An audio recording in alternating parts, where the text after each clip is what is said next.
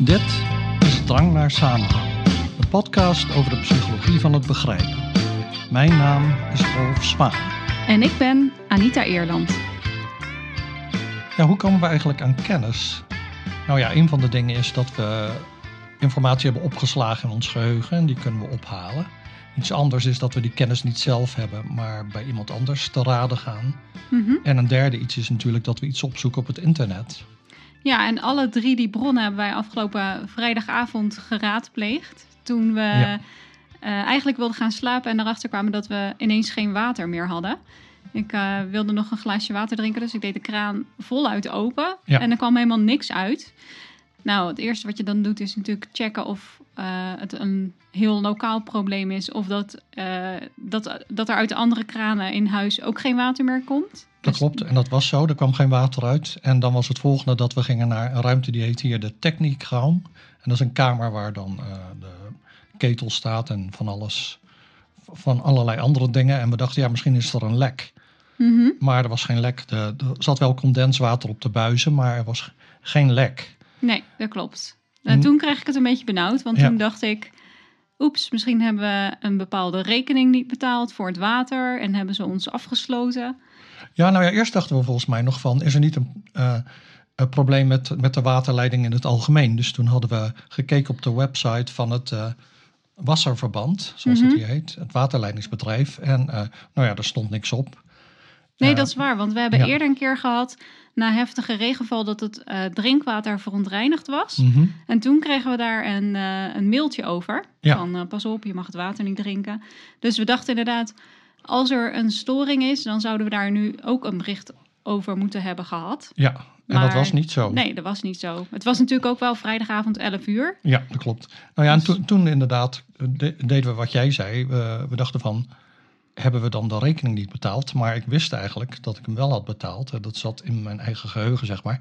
Maar voor de zekerheid checkte ik eh, nog even op de, hè, op de website van de bank. En eh, Ja, en ik had de rekening, rekening, ja. de, rekening de, zo, de papieren rekening opgezocht en daar stond dat die termijn die je had betaald, dat dat Ja. was tot en met het eind van het jaar. Dus we Ja. zitten nu begin januari.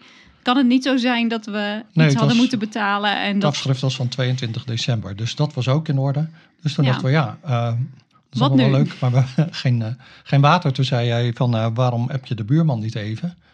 En dat heb ik toen gedaan. ja, om te en- vragen of hij ook geen water had. Ja. Want dan, ik was toch nog steeds een beetje bezorgd dat het misschien iets was alleen eh, voor ons. Ja, Maar eh, gelukkig had hij ook geen water. Zo, het is niet zo aardig voor hem. Marcus. Maar ik, eh, nou ja, ik zei natuurlijk gedeelde smart is halve smart. Maar op zich vond ik het wel een beetje een opluchting dat het niet een zeer lokaal probleem was.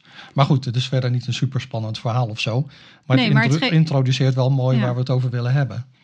Nou ja, het geeft aan dat je ehm, als je een probleem wil oplossen of informatie nodig hebt, dat je eh, dus van die verschillende bronnen gebruik maakt die jij in het begin al noemde. Ja. Dus de kennis die je zelf hebt, de kennis die je aan andere mensen, in dit geval de buurman, kunt eh, vragen. En dat we eh, eigenlijk steeds meer en meer ook het internet gebruiken om Ja. informatie op te zoeken. Ja, nou ja, en omdat we dat dus doen, omdat we dat internet veel gaan gebruiken, niet alleen wij, maar iedereen, zijn er wel stemmen opgegaan, met name in de populaire pers, van eh, Google heeft een negatief effect op ons denken, op ons geheugen. Want we kunnen Mhm. alles opzoeken, dus we hoeven niks meer te onthouden. Ja. Nou ja, is dat nou echt zo? Dat is een van de vragen die wij hadden. En eh, nou ja, we bespreken vandaag een artikel waar dit soort dingen in worden. eh, eh, waar een overzicht wordt gegeven van het onderzoek naar dit soort vragen. Hè, van beïnvloedt het internet ons denken? Mhm. En dat artikel had ik gevonden omdat ik eh, in februari een collega moet vervangen eh, in een cursus. Althans, een deel van de cursus doe ik. En daar zocht ik literatuur voor. Het is een cursus over het geheugen. En toen, een van de artikelen die ik vond was dit artikel. En toen dacht ik, hé, hey, dat is ook wel iets voor de podcast. Mhm. Dus als jouw studenten deze aflevering luisteren, hoeven ze het artikel niet meer te lezen.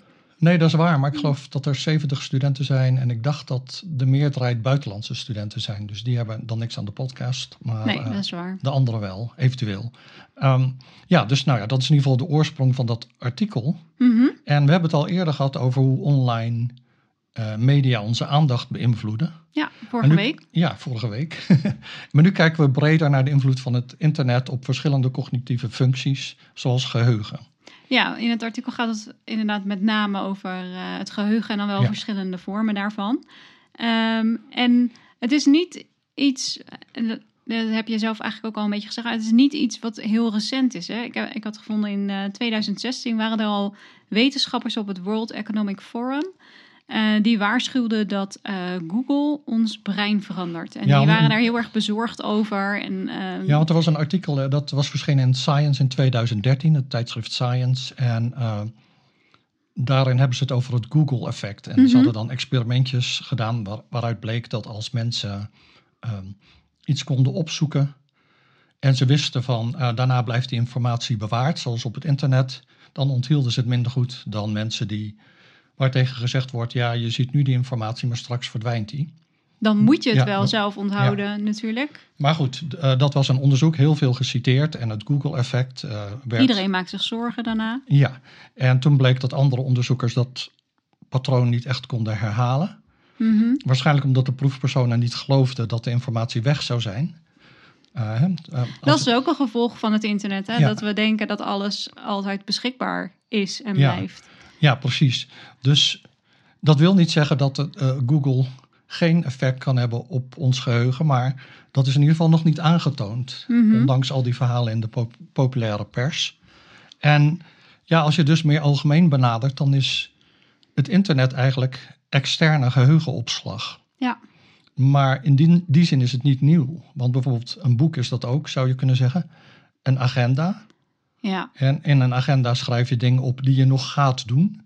Dat heet prospectief geheugen. Geheugen dat vooruitgericht is. ja, en Nou. alles wat je opschrijft hoef je niet meer te onthouden. Nee, klopt. Precies. Ja, precies. Dus dan heb je datzelfde mechanisme. Mhm. Ehm, nou ja, mensen houden dagboeken bij. Mensen maken aantekeningen bij eh, lezingen. Mhm. Sommige leerlingen hebben spiekbriefjes. Ja. Wij hebben altijd een boodschappenlijstje.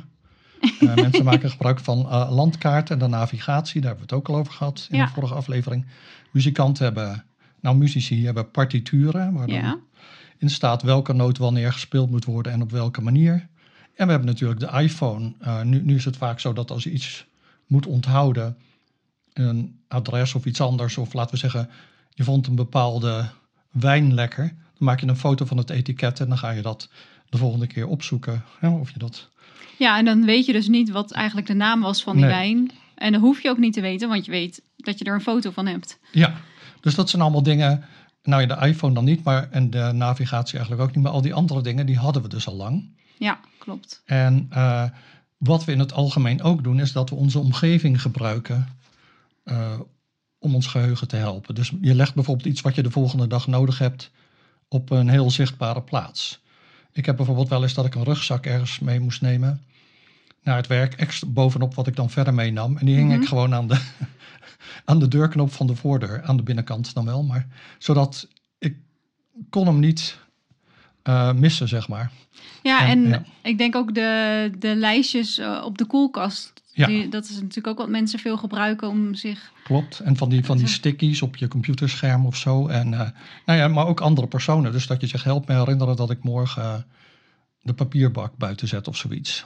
Ja, dat voelt altijd een beetje alsof je dan eh, gedeelde verantwoordelijkheid hebt voor het feit dat de papierbak buiten staat, bijvoorbeeld.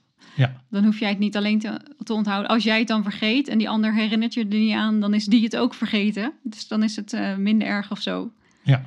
Nee, dat Ja. klopt inderdaad. Nou ja, dat doe ik dus met studenten als die een online afspraak willen maken. Dan zeg ik altijd, ja, ik kan dan en dan, stuur me maar een link. Ja, dus dan ligt de verantwoordelijkheid bij hun, maar dan onthouden ze ook beter dat we dan een afspraak hebben, want anders vergeten ze die nog wel eens. Ik moet Ja. ook ineens denken aan iets. Ik weet, dus, ik weet dus alleen niet meer van wie ik dat heb. Dus eh, een probleem met eh, source memory. Maar ehm, ik heb wel eens als ik iets belangrijks moet eh, onthouden. Dan zet ik bijvoorbeeld een kruisje met pen op mijn hand. Mhm. En dan weet ik zelf wel eh, wat het is. En dat, dat zie je heel vaak. En dan eh, vergeet ik het ook niet. Ja, Dus precies. dan staat ja. er niet, dan heb ik niet op mijn hand geschreven van, eh weet ik veel, ga naar de apotheek en haal je medicijnen op of zo. Maar gewoon alleen een kruisje en dan weet ik, oh ja, er is iets belangrijks. En dan, dan weet ik wel wat dat dan is. Ja, dat is eigenlijk zoals de spreekwoordelijke knoop in je zakdoek. Ja, ja, precies. Ja, dus dat zijn allemaal voor, voorbeelden van eh, wat genoemd wordt extern geheugen. Mhm. Uh, de filosofen Andy Clark en David Chalmers hebben daar een artikel over geschreven in 1998, The Extended Mind. En hun idee was een beetje van, oké, denken doen we in ons hoofd, maar uh, onze geest maakt gebruik van allerlei dingen die zich buiten het hoofd bevinden, zoals nou ja, aantekeningen, kaarten, dat soort dingen. Dus die zijn eigenlijk deel van ons cognitieve systeem. Ja. Dat was een beetje zo dat idee. En uh, nou ja, wat je ziet is dat, dat we dus al die bronnen van kennis hebben. Dus we zeiden, onze buurman hadden we ge, geappt van, uh, heb jij ook geen water? Mm -hmm. Maar je hebt dus heel vaak in gezinnen en zo dat je, je weet, als, je, als ik iets moet weten over, uh, laten we zeggen, um, weet ik veel, hoe ik een leiding moet repareren, dan bel ik ome Piet of zoiets. nou, die had je dan vrijdagavond wel even kunnen bellen. ja, ik heb geen ome Piet en um, ik zou zelf ook niet snel aan een leiding gaan zitten knoeien. Maar, maar goed, bij wijze van spreken. Hè? En met collega's ook, van als je dan een bepaalde statistische test nodig hebt die jij niet zo goed kent, dan ga je langs bij iemand die die test beter kent. Nou ja, en dat is heel ja. handig, want dan hoef je niet al die kennis zelf te hebben. Nee, in, in Amerika komen co collega's vaak bij je binnen en dan zeggen ze: Let me pick your brain. Mm. Ja, dat, ik vind altijd een onprettige uitdrukking, maar dat is eigenlijk dat idee van in jouw brein zit informatie die ik eruit wil halen, ja. omdat ik die nodig heb voor mijn eigen onderzoek. Dus, nou ja, dus dat is allemaal extended mind, hè, je externe of je uitgebreide geest, je externe geheugen. En uh, waar we het nu specifiek over gaan hebben is het internet, want dat is natuurlijk het beste voorbeeld eigenlijk op dit moment van extern geheugen. Ja, en waar we het, dus we gaan het hebben over uh, het internet dat wij gebruiken als extern geheugen en eigenlijk ook um, wat dat dan voor gevolgen heeft voor ons eigen geheugen. Dus als we steeds meer vertrouwen op het Mhm. internet, wat we Mhm. doen, en we gaan zo zien waarom daar eh, goede redenen voor zijn dat we zoveel vertrouwen op eh, het internet als extern geheugen. Ehm, en dan gaan we daarna dus kijken, ja, wat zijn dan de gevolgen voor ons Klopt. eigen denken, ons eigen geheugen, als we zoveel gebruik maken van het internet. Ehm, nou, in dat artikel wordt gezegd dat ehm, internet eh, ons denken op verschillende manieren kan beïnvloeden. Ze zeggen eigenlijk, ja, er zijn verschillende kenmerken aan het internet die, die maken dat we er zoveel gebruik van maken. Mhm. En dat maakt dus dat, dat het ons denken beïnvloedt. En ze zeggen die, die kenmerken en dus de manieren van beïnvloeding kun je eigenlijk opdelen in drie verschillende categorieën. Ehm, eh, en zij bekijken per categorie wat dan de kenmerken van het internet zijn. Dus ze kijken in eerste instantie naar ehm, wat, voor me- wat voor informatie mensen opzoeken en gebruiken. eh, hoe mensen toegang hebben tot informatie.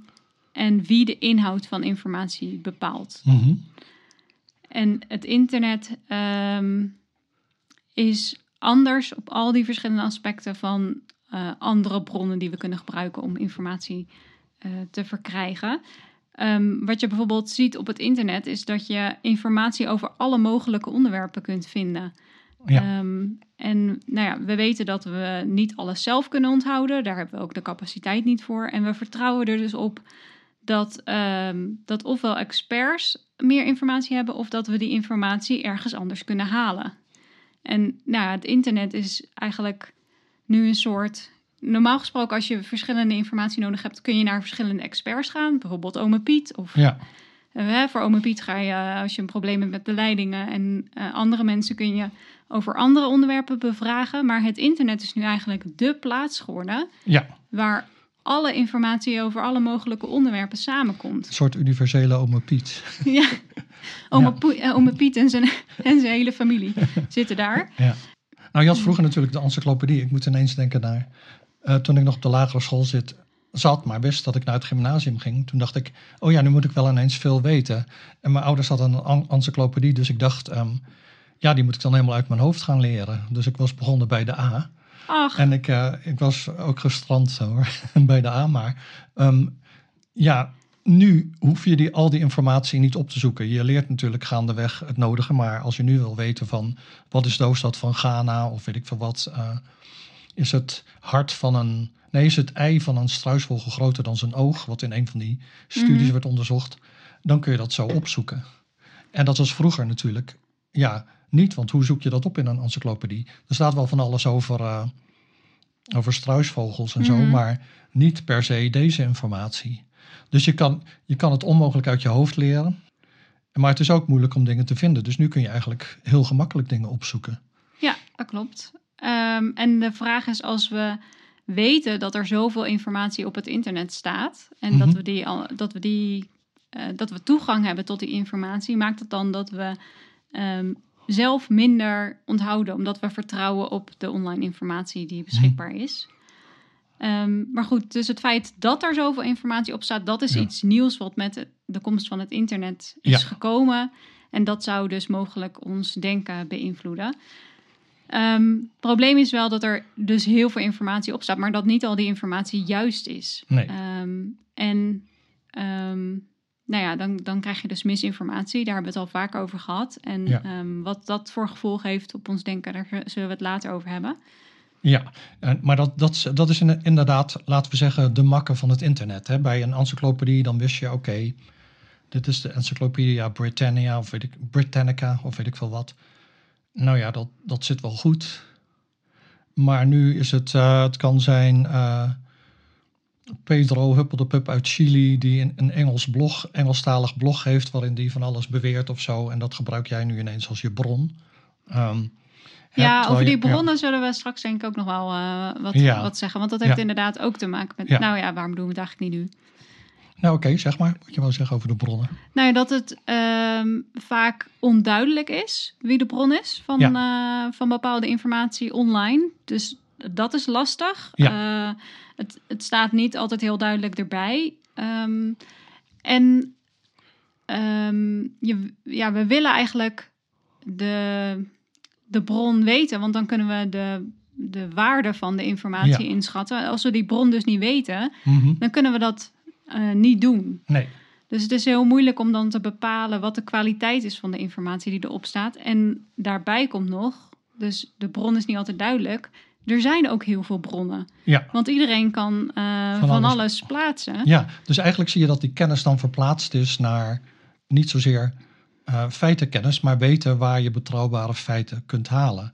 En dat vergt nog steeds veel ehm, gebruik van je interne geheugen, zeg maar. Mhm. De ervaringen die jij hebt opgedaan in een bepaald vakgebied. Dus wij weten op ons eigen vakgebied wat wel de goede bronnen zijn en wat minder betrouwbare bronnen zijn, enzovoort. En dat weten we dan ook nog wel bij aanpalende vakgebieden. Maar bijvoorbeeld, eh, ja, in heel veel andere domeinen is er dan toch een beetje zoeken van, eh, is dit inderdaad hoe je een, waterleiding repareert of probeert eh, deze virtuele ome Piet ons een, hoe zeg je dat?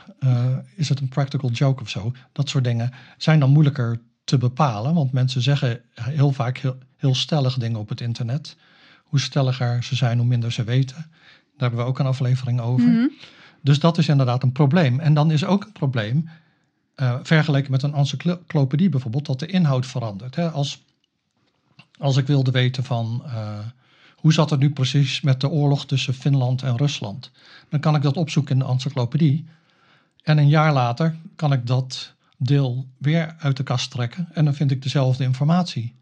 Maar op het internet verandert informatie steeds. Mhm. Als je kijkt op Wikipedia, dan, dan verandert informatie. Ehm, in het boek Drang naar Samenhang heb ik één hoofdstuk over de Duitse journalist van Der Spiegel destijds, eh, Klaas Relotius. En eh, vond dat het leukste hoofdstuk om te schrijven. En eh, nou, het ging erom dat hij gefraudeerd had. Hij had allemaal stukken geschreven, maar die waren eigenlijk fictie. Ehm, en dat is aan het licht gekomen. Nou, dat is dus een eh, Wikipedia-pagina gewijd a- aan hem. Ehm, maar daar staat bij van, ehm, ja, de, ik vertaal het even uit het Duits. De neutraliteit van dit artikel of van, van dit, eh, deze sectie, deze paragraaf, ehm, is omstreden. En dan hebben ze een, een, een, een, eh, reden waarom het omstreden is en die staat dan op een andere pagina. En dan zie je een hele discussie tussen mensen van, eh, ja, jij zegt wel dat hij dit en dat gezegd heeft, maar hier vind ik dat hij dat niet heeft gezegd enzovoort. En eh, uiteindelijk verandert er dan soms ook iets aan zo'n eh, zo'n pagina. Dus dat is al een voorbeeld van, eh, nou ja, iets wat je opzoekt. Je denkt, oké, dit is het artikel over Klaas Relo- Relotius en dan is het gewoon iets anders dan de vorige keer bij wijze van spreken. Ja, en al die kleine veranderingen, die merken mensen dus vaak niet op. Nee. Want het is niet zo.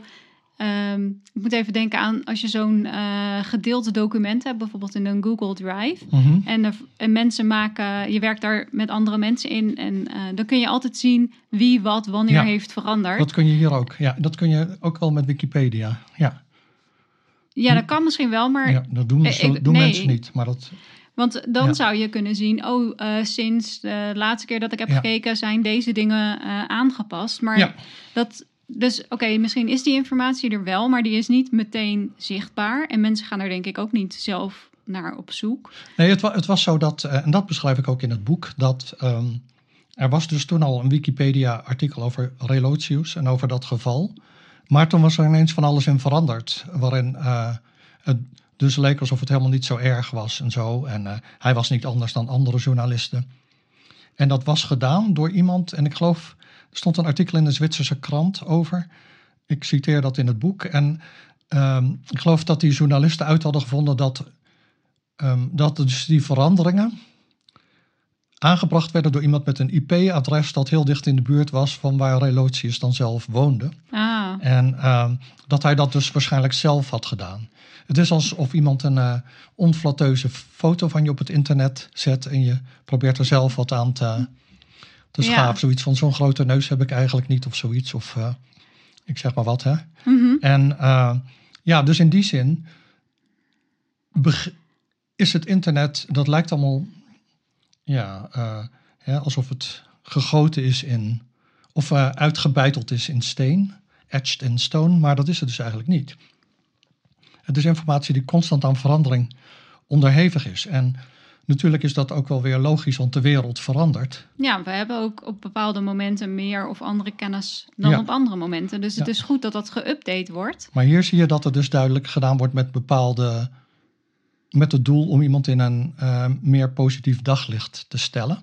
Ja, en dat heb je natuurlijk met andere onderwerpen ook. Dat informatie verandert omdat er iemand een bepaalde agenda heeft. En als Ja. iedereen zomaar alles online kan zetten, Ja. dan is daar dus eigenlijk ja, nauwelijks co- controle over. En als dan de bron moeilijk te vinden is, ja, dan is het ook heel moeilijk om dan te bepalen wat de kwaliteit is van bepaalde informatie die je online kunt vinden. Ja, nog iets anders dat het internet uniek maakt, zeg maar, als bron van informatie, is dat er ontzettend veel eh, afleiding is. Dus eh, je hebt natuurlijk informatie in tekstvorm, maar daarnaast heb je ook beelden. En soms bewegen die beelden. En we weten dat beweging altijd de aandacht trekt. Je hebt Mhm. advertenties, dus allerlei irrelevante informatie. Nu heb je natuurlijk ook wel advertenties in kranten. Ja, en Maar- plaatjes in boeken en zo. Dat klopt, maar die plaatjes in boeken hebben altijd te maken met de inhoud. Eh, maar laten we zeggen, een, een damespyjama heeft niks te maken met het krantenartikel dat ik lees over Oekraïne. Om maar iets te Je bedoelt als ik dat bijvoorbeeld opgezocht zou hebben, dan verschijnt het ineens Ja. bij jou op je scherm. Ja, dat had ik laatst ook weer. inderdaad, nou, niet van een damespyjama, Nee, toch? maar iets damesachtigs, waarvan ik dacht, dat heb ik echt niet eh, opgezocht. Oh ja, ik heb blouses gezocht. Ja, nou dat krijg ik dan. Oh. dankjewel. maar, eh, maar goed, dan werkt mijn adblocker zeker even niet. Maar dat krijg ik op sommige pagina's. En dat leidt dan af, want sommige van die dingen bewegen. Mhm. Dus dan heb je eigenlijk dat iets wat niet relevant is, meer de aandacht trekt dan datgene wat wel relevant is. En eh, nou ja, dat maakt natuurlijk dat je informatie misschien oppervlakkiger gaat verwerken, want je hebt constant afleiding. Ja. En nou kan die afleiding ook wel eens eh, nuttig zijn. Dus misschien zie ik een, dat ik denk, hé, hey, dat is een verdomd leuk eh, blouseje, dat koop ik voor Anita of zoiets, bij wijze van spreken. Maar dat helpt mij niet om de situatie in Oekraïne beter te begrijpen. Nee, precies. En, Daar was je eh, niet naar op zoek waarschijnlijk. nee. nee, dus dat. ehm, nou ja, en dan zie je dat het dus moeilijk is voor veel mensen. Dat blijkt Mhm. uit onderzoek om onderscheid te maken tussen wat wel of niet relevant is. Nu gaf ik wel een vrij extreem voorbeeld, maar je hebt natuurlijk ook minder extreme voorbeelden, hè, waar de inhoud van iets anders niet helemaal relevant is, maar ook niet compleet irrelevant. Nee, soms heb je dat er bijvoorbeeld eh, links staan in een stukje wat je leest. En dat gaat dan naar iets wat wel gerelateerd is daaraan. Maar dat is niet per se altijd nuttig voor de informatie waar je naar op zoek bent. Nee, dat klopt. En dan leidt het inderdaad alleen maar af. Ja, Nou, kijk, en, en een eh encyclopedie die staat in de boekenkast, of, ofwel thuis ofwel in de bibliotheek. Eh, en als je daar dus niet bent, dan heb je die informatie niet tot je beschikking. Maar het internet heb je overal tot je beschikking. Mhm. We kunnen hier in de bergen gaan wandelen en twee dagen onder een, eh, een rots zitten.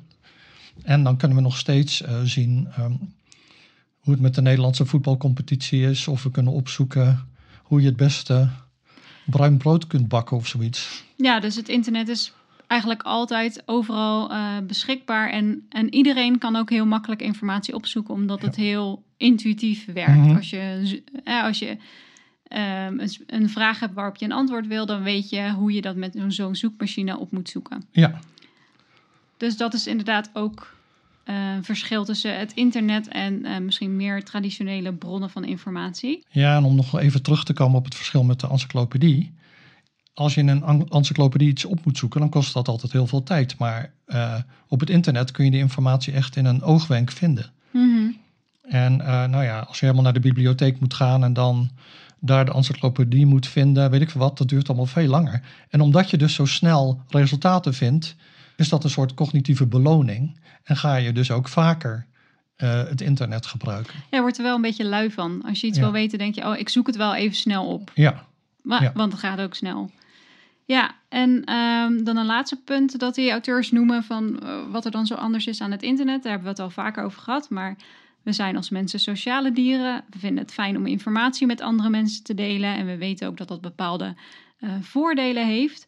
Eh, en via het internet kunnen we eh, sneller dan ooit en met meer mensen dan ooit informatie delen. Mhm. Nou, ehm, en dat heeft ook gevol- bepaalde gevolgen, ook voor ons geheugen.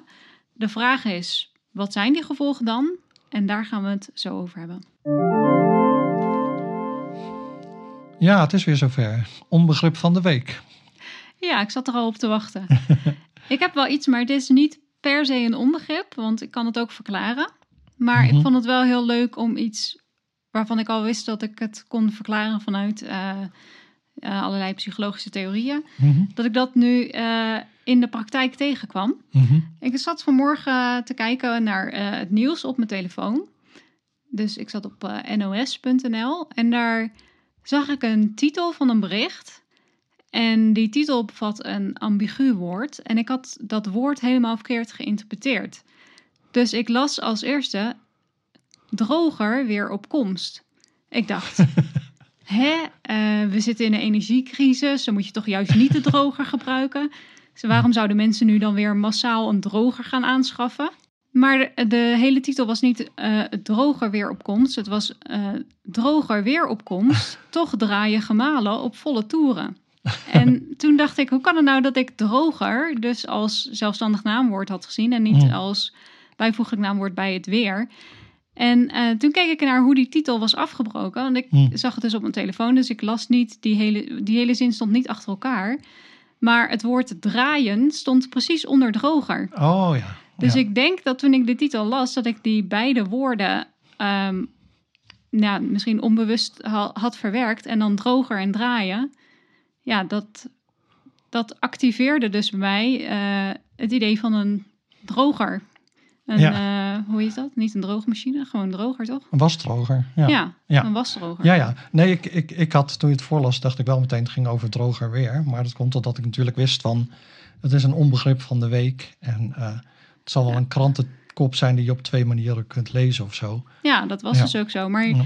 dus nu was niet mijn onbegrip van eh, waarom gaan mensen massaal drogers kopen of zo. Of dat ik überhaupt geen idee had wat er met de titel bedoeld werd.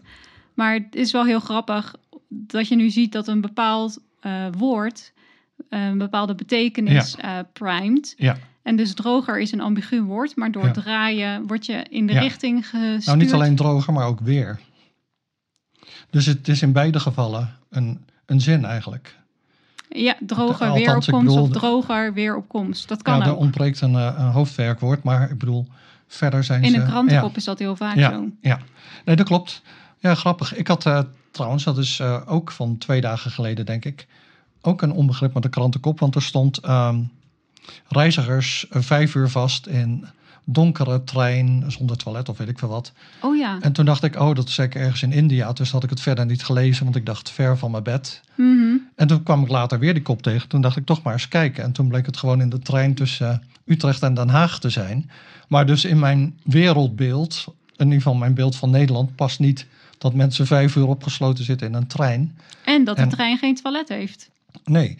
En, en dus, ehm, dus dat, de- dat is wel grappig dat je dan onmiddellijk, nou je kunt zien hoe je daar dus vertrouwt op je achtergrondkennis. Dat je denkt van, dat is dan waarschijnlijk in een land waar alles niet zo goed geregeld is. En niet zijn nadelen van de treinen in India. Misschien zijn ze wel supergoed geregeld, maar dat was gewoon mijn, eh, Ja. mijn associatie even op dat moment. En eh, nou ja, nu heb ik dus geleerd dat ik mijn kennis van het Nederlandse treinwezen moet eh, updaten, zeg maar, moet actualiseren. Ja. Tot iets waar deze dingen dus ook kunnen voorkomen. Oké, terug naar het artikel. Dus wat we eigenlijk in het eerste deel hebben gedaan, is we hebben gewoon dingen genoemd die het internet iets anders maken dan ander, andere kennisbronnen. En op zich is dat niet super opzienbarend. Eh, dat kan iedereen een beetje wel zelf bedenken. Maar het gaat er nu meer om van in hoeverre beïnvloeden die dingen de manier waarop wij denken. Mhm. En ja, dat, ehm, is het dan zo dat we bijvoorbeeld een, een, eh, luier worden en eh, dommer als we weten dat we informatie kunnen opzoeken? Nou ja, dat is wel een beetje de tendens van berichten in sommige media. Dat heb je eerder Ja. ook al genoemd. Ja, Ehm, maar het is dus zo dat er vanuit wetenschappelijk onderzoek eigenlijk geen robuust bewijs voor is dat we nu minder onthouden of eh, luier Mhm. of dommer worden, omdat we kunnen vertrouwen op de kennis op het internet. Ehm, dus ja, in sommige studies wordt er gevonden dat mensen minder onthouden als ze weten dat ze erop kunnen vertrouwen. Dat, eh, Ja. dat is de, de- eh, dat artikel uit 2013 dat je ja. eerder noemde. maar daar kun je dus wel je twijfel bij hebben bij dat onderzoek. Ja, en in een andere studie werd gevonden dat als mensen eh, in een museum foto's van Ja. objecten mochten maken, Ja. dat ze dan de objecten zelf minder goed hadden onthouden dan wanneer ze geen foto's mochten maken. Dus ja, waarschijnlijk omdat je denkt, eh, ik heb hier een foto van, dus ik kijk later wel of zo.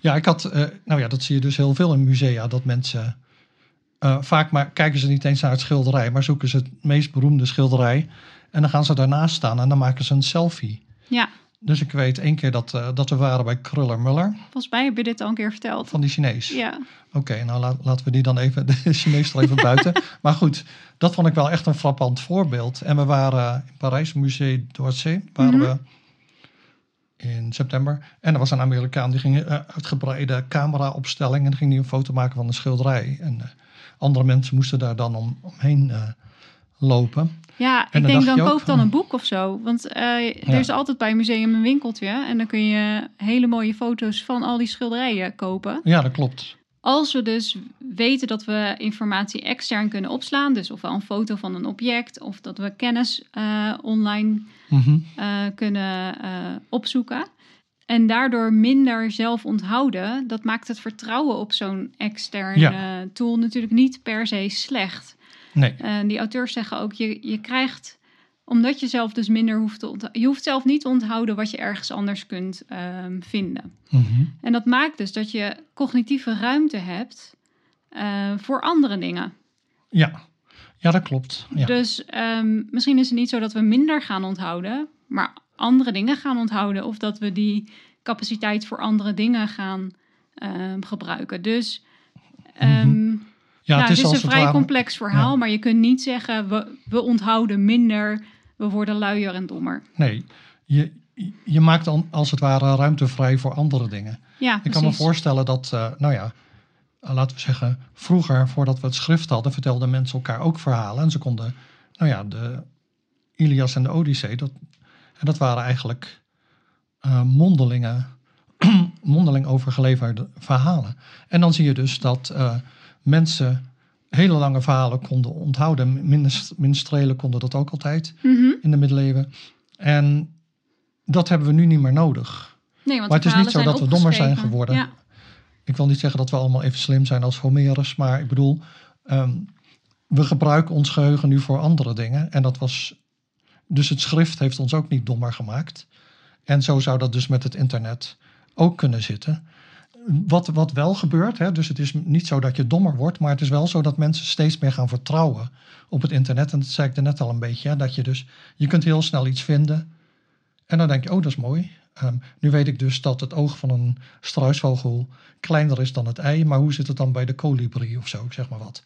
Dus dan kun je, uh, nou je kunt zo blijven zoeken en je vindt steeds uh, nieuwe antwoorden heel snel. Ja, Ja. en dat opzoeken wordt dan wel een gewoonte. Ja. Dus soms weten we dingen wel zelf, maar gaan we het toch opzoeken. Dat heb ik zelf ook wel eens. Mhm.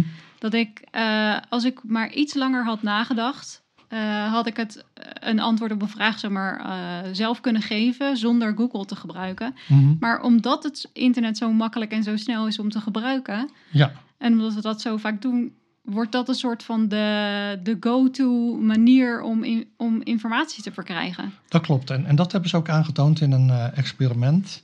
Dat mensen makkelijke en moeilijke trivia vragen moesten beantwoorden. Dus makkelijk is bijvoorbeeld Parijs is de hoofdstad van Frankrijk. Dat is wel heel makkelijk, maar Dat is ook geen vraag. nee, oké. Wat is de hoofdstad?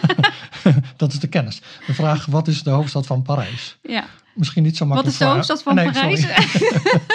Even opzoeken, hoe zat het ook weer? Nee, wat is de hoofdstad van Frankrijk? Voor Amerikanen is dat misschien wel een moeilijke vraag, maar goed, ehm, voor ons niet. Eh, maar dan een moeilijke vraag is die bijvoorbeeld van de struisvogel of zo. Mhm. En, maar wat je dus zag is dat als mensen dus eh, dingen mochten opzoeken, dan gingen ze op het laatst ook voor de makkelijke vragen opzoeken. Dus precies wat jij zegt. Hè, daar is dus wel empirische evidentie voor, zoals ze dat noemen. Ja, want dan ben je Ja. al lekker aan het zoeken. Dus Ja, dus je gaat er wel steeds meer op vertrouwen.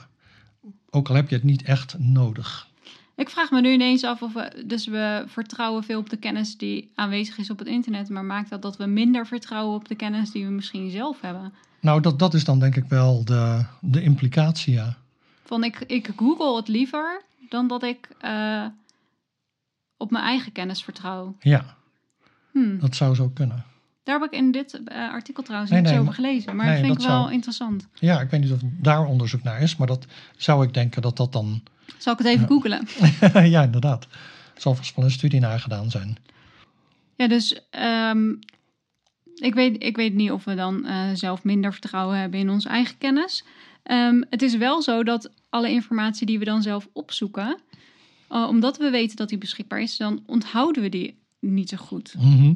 Ehm, Ja. Dus het gebeurt best wel vaak, denk ik. In ieder geval eh, was het iets wat ik bij mezelf wel merk, dat je soms dezelfde dingen steeds opzoekt. Ja, Dan denk Nou, ik, ja, heb dit ik- heb ik ja. al opgezocht, maar dan heb ik het dus niet onthouden. Moet ik het dan nog een keer opzoeken? nou je weet dat ik eh, heel vaak, nou heel vaak, maar regelmatig eh, zoete aardappelsoep maak. Maar elke keer zoek ik weer het recept op. Ik kan het gewoon niet onthouden. Nee, maar dat En- hoeft dus ook niet.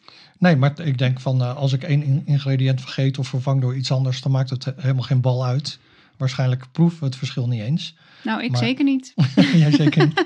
Maar ja, dan denk ik van, zal ik... eh, ik zoek het toch altijd op. Ik weet ook niet waarom. Maar, eh, en dan zet ik de laptop bij de, nou ja, in de keuken neer, zodat ik eh, steeds kan kijken. Terwijl ik die dingen eigenlijk allemaal al weet. Maar ja, Ja, maar dus het internet maakt eigenlijk dat we de informatie die we dan krijgen... Ja.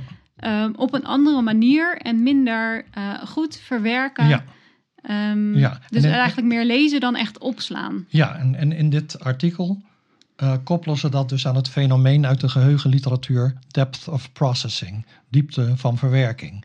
Als je iets dieper verwerkt, onthoud je het beter. Mhm. Dus je kunt bijvoorbeeld, om een heel simpel voorbeeld te geven, als je een lijst ongerelateerde woorden moet leren, dan kun je ze gewoon achter elkaar opzeggen. Ja, En dat is een manier van ze onthouden, maar dat is niet maar. stampen, maar dat is niet erg diep.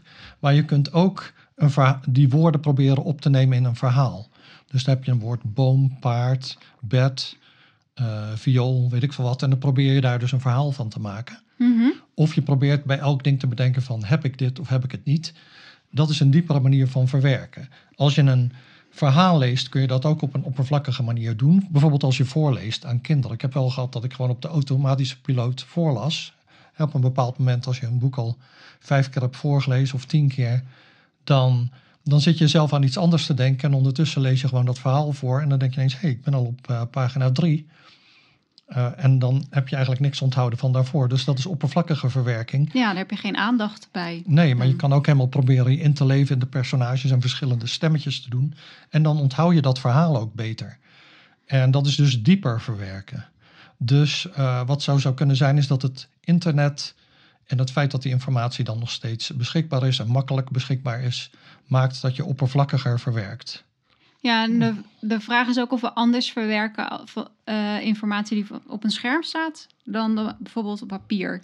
En dat is dan niet iets per se wat uniek is aan het internet. Want we Nee. kunnen ook een boek lezen op een e-reader bijvoorbeeld. Ja. Dat is dan geen internet, maar wel lezen van een scherm. Ja. Er is wel vanuit wetenschappelijk onderzoek bewijs voor dat we dat op een andere manier doen.